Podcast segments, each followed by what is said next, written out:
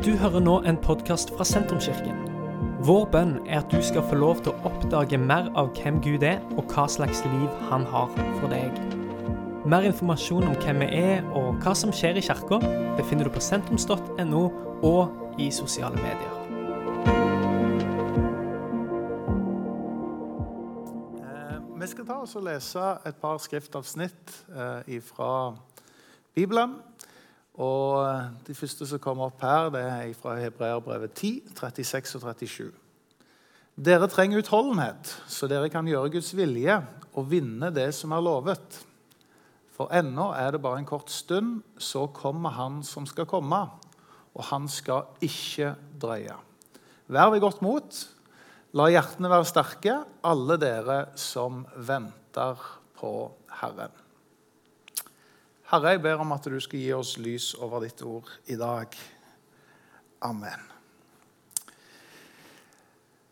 Det sies at en av de tøffeste leksene å lære i Bibelen, det er lekser som handler om tålmodighet, utholdenhet og det å evne å vente. Det fins nesten ikke en bibelstory ikke så jeg kommer på, i hvert fall, og Jeg har prøvd å studere litt i forkant av denne talen og tenkt er det noen bibelstorier uten at det handler om tålmodighet, utholdenhet og i være stand til å vente. Det fins selvfølgelig noen, men den store gjennomgangsmelodien det er at dette trenger vi i livet. Og For meg passer det fryktelig dårlig, for jeg må innrømme at det jeg er særdeles dårlig til i livet, det er å vente. Jeg hater kø. hater å stå, ja, sitte på venterom. Eh, syns jo det er sløseri med tid. Syns det er totalt waste of time, alt som handler om venting. Er det andre som er som meg? Noen som har det likt?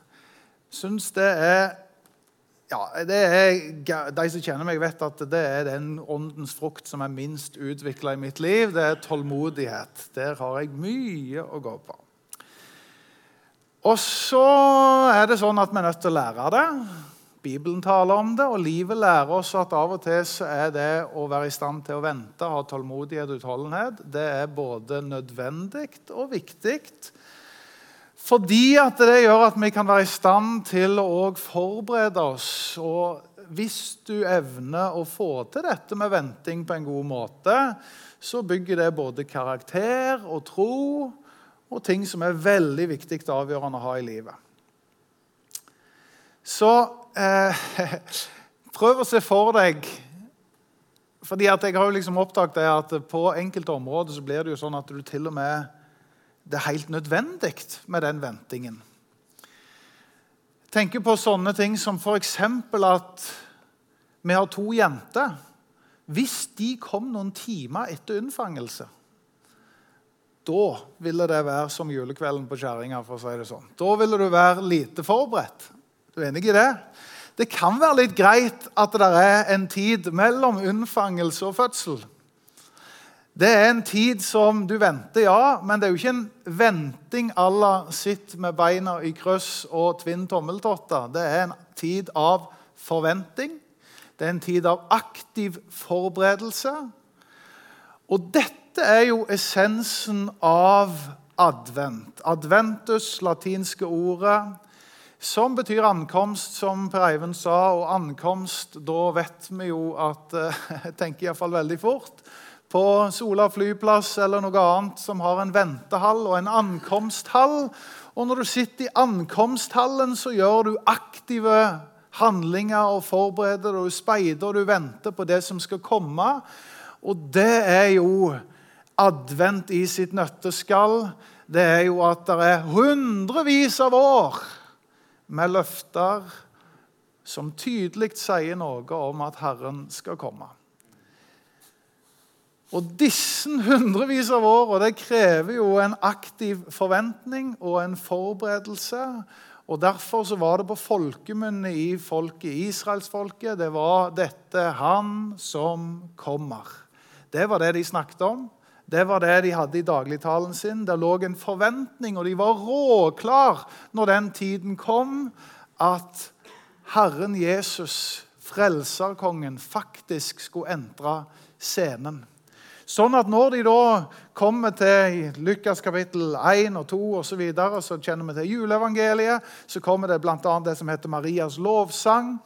Og vi møter personer som Zakaria og Elisabeth og Simon og Anna. Og gjenklangen i sangen og i uttalelsene det er at nå kommer han, han som er lovt skal komme. Endelig er ventetida over. Nå er vi klar. Og så kan vi gå videre her i noen tekster og si at uh, dette er gjennomgangsmelodien. Hvis vi skal ta en slags adventsteologi, så er det rett og slett massevis av tekster som handler om dette, at han kommer. Velsignet være han som kommer i Herrens navn. Salme 118, vers 26. Og desse, altså Dette bibelverset refereres til både i Matteus, Markus, Lukas og Johannes. Og gjenklangen fra de gamle profetene og Jesajas bok om at nå kommer han, det, det står fast òg når Maria har sin lovsang. Og Så kommer døperen Johannes inn i bildet, og så er det 'rydd vei for Herren'. Nå er det, nå ruller vi ut den røde løperen her. Nå kommer Han som er lovt. Og så er vi klar når Han kommer. Det er ikke uten grunn at når Den norske kirke har laget et kirkeår, så starter ikke det verken med påske eller med pinse eller med 1. januar, og ei heller med jul. Det starter med første søndag i advent, og det starter med advent. Hvorfor er det sånn? Jo, fordi at i kirkeåret så er tanken at en skal følge Jesus sitt liv. Og hvor starter Jesus sitt liv? Jo, da tenker vi gjerne at det starter med fødsel, det starter med julaften. Men det er et poeng å si at nei, Bibelen sier noe om at det finnes hundrevis av år med forberedelse til Jesus sitt komme. Det starter med en aktiv forventning. Det starter med å vente. Det starter med å se fram mot noe som skal komme. Det kan jo lære oss noe om hvordan vi skal møte livet òg. Det er jo ikke alltid alt skjer i en sving og hendelsene og øyeblikkene. Vi må av og til lære oss denne tiden av venting. Aktiv forventning. Og så vet vi det at vi gjør jo våre forberedelsesting i, i adventstida. Det gjør vi jo alle mann. Sosiale, materielle forberedelser. Vi skal ha storinnrykk av folk, og vi skal ha familie, det er julegaver. Og vi gjør alle mulige slags forberedelser. Fint og vel og bra, det. Når jeg kommer til dere med det budskapet jeg har i dag, så handler det om at jeg egentlig stiller spørsmålet hva betyr det å gjøre åndelige forberedelser i ventetid? Fordi at alle de andre forberedelsene de gjør vi intuitivt og veldig lett. Men hva betyr det å gjøre åndelige forberedelser i ventetid? Og da har jeg lyst til å si dette at Bibelen er full av adventsteologi. 66 bøker, så kan en si at egentlig er den store gjennomgangsmelodien det er dette 'Han som kommer'. Kommer du til Det nye testamentet, så er det 27 bøker. Fire av de har ikke noe om at Jesus skal komme igjen, men de andre 23 har noe om at Jesus skal komme igjen. Vår forberedelse, vår åndelige forberedelse som kristne, det er jo ikke først og fremst at han kommer, men det at han kommer igjen. Altså, Vi feirer jo det at han har kommet, men så venter vi aktivt og i forventning og i forberedelse til at han kommer igjen. Og dette dette er det som er den store gjennomgangsmelodien i Det nye testamentet. 300 kapittel, nei, 216 kapittel i Det nye testamentet. 300 ganger omtales dette at Jesus skal komme igjen. Ett av 30 vers i Det nye testamentet handler om at en kristnes adventstid det er forventningene om at han som kom, kommer igjen. Og Det betyr jo ikke at vi hopper bukk over alt det som har med tradisjon og advent og julefeiring, men det betyr at vi har et annet perspektiv. Vi har et perspektiv av at han som kommer, han kommer òg igjen. Det betyr at for oss som troende så lever vi i et perspektiv av allerede, men ennå ikke. Det er sånn Guds rike er. Det er noe som allerede er en realitet, men så er det noe som òg kommer. Og det som kommer, det er at Jesus òg har lovt å komme tilbake igjen. Og Derfor så lever vi først og fremst i en forventning. Vi bruker ikke det som en trussel eller som noe som vi bruker for å skremme folk med, men vi forteller det noe om å heve forventningen. fordi at når adventstekstene som vi kjenner, kom eh, på banen, Lukas, Lukas kapittel 1 osv., så, videre, så var det jo nettopp dette at åh, dette har vi venta på. Nå er vi forberedt, nå er vi klar. Og så må meg og deg spørre oss sjøl hva vil det si for oss å gjøre denne åndelige forberedelsen i det som er den reelle adventstida for oss i dag. Og Da sier Bibelen at uh, det er mye som skal skje. Det skal være sosiale tegn, det skal være åndelige tegn, det skal være politiske og moralske tegn osv. Det skal være som i Lodds dager, det skal være som i Noas dager. Det som er vår tanke som troende som vi formidler, det er først og fremst dette at unngå de to grøftene og hold deg på veien. Og Hva er de to grøftene for oss som er troende? Det er at vi har et sløvt, likegyldig og slapt forhold til at Jesus kommer igjen. Og Den andre grøfta er at vi spekulerer på en ugrei måte som bare er gjenstand for, gjenstand for eh, vill spekulasjon. Vi vil ikke være i noen av de grøftene. Vi har lyst til å holde oss på veien i det at vi venter på denne frelserkongen som er lovt. For like sant som at han skulle komme, er det at han kom igjen. Og jeg våger å tro det, fordi jeg har erfart at han kom første gangen. og Derfor våger jeg å ha forventning til at han kommer igjen. Fordi at jeg har erfart Jesus Kristus personlig i livet mitt, så vil jeg òg leve i den forventningen av at han kommer igjen. Og Da sier Bibelen at vi skal kjenne tidene. Vi skal kjenne tidene, folkens. Og Hva vil det si? Jo, Vi kommer ikke til å kjenne dagen og timen. Detaljene kan vi spekulere i, og det, blir, det, det, fører ingenting godt med seg. Men vi skal kjenne tidene. Litt sånn som for noen uker siden så valgte jeg å skifte dekk på bilen. Lurt valg. Jeg gjorde det ganske på datoen 1. desember. Og det handler jo om forberedelse. Det handler om aktiv forberedelse. For jeg forventer at Eller jeg, jeg vet ikke dagen og timen. Jeg vet ikke nøyaktig hva tid den frosten slår inn, og hva tid det legger seg, og hva tid jeg trengte de piggdekka eller vinterdekka. Men jeg kan kjenne tidene og si noe om at jeg gjør nødvendige forberedelser for å være klar til den dagen det kommer frost. Sånn at ikke julekvelden kommer på kjerringa. Sånn at det ikke er uventa og brått. Sånn at det ikke er en tid av at vi ikke er forberedt. Og I dette så har jeg lyst å egentlig ta oss med inn i hva er den kristnes forberedelse. Og Jeg skal nevne de tre veldig kjappe punkter her som kommer på skjermen. For det første så er den beste måten å være forberedt på, det å ha en aktiv forberedelsestid. Det er å ha en avklart tro. Matteus 25 så forteller Jesus lignelsen om disse ti brudepikene. Noen steder står det ti jomfruer. De kalles for fem forstandige og fem uforstandige. Gjengs for de alle at de er åpne for party, de er åpne for bryllupsfest, de er åpne for at at brudgommen kommer. Men det er bare fem av de som er forberedt, og fem av de som ikke er forberedt. Og Når det skjer litt sånn brått og uventa, så er det noen som har olja på lampen. De har tent den, de er klar, sånn at når brudgommen kommer, så kommer de ikke overrumplende på. De vet at her kommer det som er venta. Her kommer det som er annonsert. Men for de fem uforstandige så begynner de å famle og tenke kan jeg få love, låne olja til naboen. Kan jeg få lov, lov å lene meg på noen andre sin tro? Nei, ha en avklart tro for din egen del. La det være sånn at du har din sak i orden med Jesus Kristus. Det er den viktigste forberedelsen vi kan ha i forventningen av at Jesus kommer igjen. Det er at jeg tror, og jeg vet hva jeg tror. Den andre forberedelsen som vi utfordres til i vår kristne adventstid, det er at ikke bare troen er avklart, men at den òg er delt. Forkynn ordet. Stå klar i tide og utide.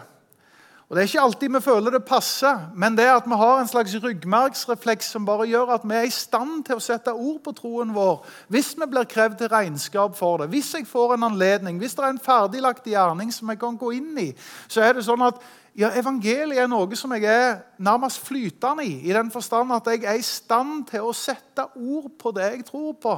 Jeg er i stand til å dele troen, og Bibelen sier noe om at det er det å være virkelig klar. Det at jeg både vet hva jeg tror på meg for min egen del, men at jeg òg i neste sving er i stand til å dele den med andre. Den tredje og siste punktet som jeg har om dette, det er en misjonal tro, eller en engasjert tro. Dette evangeliet om riket skal forkynnes som et vitnesbyrd for alle folk, og så skal enden komme. Det å være i aktiv forventning og forberedelse til Jesu gjenkomst, det handler om å være misjonsengasjerte. Jesus sier noe om at det som skal være det store tegnet på at han kommer igjen, det er at evangeliet går ut til alle folkeslag. Og Der kan vi alle som en si at jeg skal ikke være passiv i forhold til det. Jeg skal være engasjert i våre misjonærer i Hellas. Jeg skal være engasjert i det som skjer i Makedonia. Jeg skal være engasjert i det å spre evangeliet til jordens ende. Jeg skal være med å lene meg inn og ikke bli slapp. fordi at dette var det jeg begynte med før jeg tok disse punktene. De to grøftene er en sløvhet av at jeg ikke liksom er på. Og det andre at jeg spekulerer vilt og hemningsløst. Men at jeg holder meg på veien, det handler om at jeg har en avklart tro. At jeg kan dele den troen, og at jeg engasjerer meg for at andre mennesker òg skal få tak i hvem Jesus er. Lokalt og globalt. Det store bildet som Bibelen tegner Vi kan få opp det siste bibelverset her. Det store bildet som Bibelen tegner, det er om at han som kom, han kom igjen. Og Her står det et av disse versene i Habakuk som egentlig er i den forventningen. Om det synet venter på sin fastsatte tid, så vitner det likevel om enden, når det lyver ikke. Og om det drøyer, så bare vent, for komme skal det, og det skal ikke komme for seint. Altså Jesus kommer tilbake igjen. Gud er i kontroll. Løftene som gjaldt i hundrevis av år før han kom første gang. For noen var de uforberedt, og det var uventa. Men noen var forberedt, og de sang lovsanger, og de rullet ut den røde løperen og sa 'Rydd vei for Herren, endelig kommer han', det som er forventa. Sånn kommer det til å være òg i våre dager. At noen er klar. Noen synger den lovsangen, noen ruller ut den røde løperen. Og Den kristnes gjensvar på adventstida har alltid vært dette. Herre, kom. Herre, kom. Og Der avsluttes jo hele Bibelen. Den, Se, jeg kommer snart, sier Jesus i Johannes' åpenbaring i de siste kapitlene og noen av de siste versene. Se, jeg kommer snart. Og gjensvaret er Ja, kom, Herre Jesus. Kom. Så folkens, la oss ha denne doble tanken med oss inn i vår adventstid. At jo da, vi kan gjerne ha juletradisjon og julehøytid og barnet i krybben og alt det. Det er fint, men det er en større dimensjon av dette. Det er dobbelt komme av Jesus. Ikke bare kom han som et lite barn, men han kom igjen i seier, i triumf, som frelser, som konge, som herre. Og jeg vil være en av de som er forberedt. Jeg vil være en av de som sier velkommen. Jeg vil være en av de som har en avklart tro, en delt tro, en engasjert misjonal tro. Der vil vi være som Guds folk i Jesu navn. Skal jeg be en bønn mot avslutningen her, og så skal vi òg eh, gi en mulighet for folk til å gi en respons hvis dere har lyst til å Hvis det er noen her som ikke har tatt det valget om å få lov å få et avklart forhold til Jesus, så er det en super anledning til å gjøre det. Herre, jeg takker deg for at vi får lov å leve i en aktiv forventning om at du som kom, du kom igjen. Takk, Herre, for den sanne adventstid for oss som tror. Det at vi venter på at du òg kommer tilbake igjen. Herre, la oss få være den gjengen som ikke spekulerer for mye, eller som blir sløve, men som er aktive i vår forventning om at du kommer igjen. Og Herre, jeg ber om at eh, denne menigheten skal få lov å kjennetegnes av det. En gjeng som har en avklart tro, en delt tro, en misjonal tro, Herre. Og Vi ber Herre om at vi skal få lov å leve i det. Og vårt gjensvar til deg det er 'Kom, Herre Jesus, kom'. Om vi har det bra her, så skal alt bli bedre. Jeg priser deg, Herre, fordi at du skal komme som triumfherre. Du skal komme som konge igjen, og du skal få sette alt på sin plass og i stand, Herre. Og jeg ber Jesus om å få lov å være blant de som eh, lovsynger deg, og som ruller ut den røde løperen, og som rydder vei, og som sier 'velkommen'. Jesus, la oss få lov å leve i denne forventningen. Dette er slutten på denne podkastepisoden.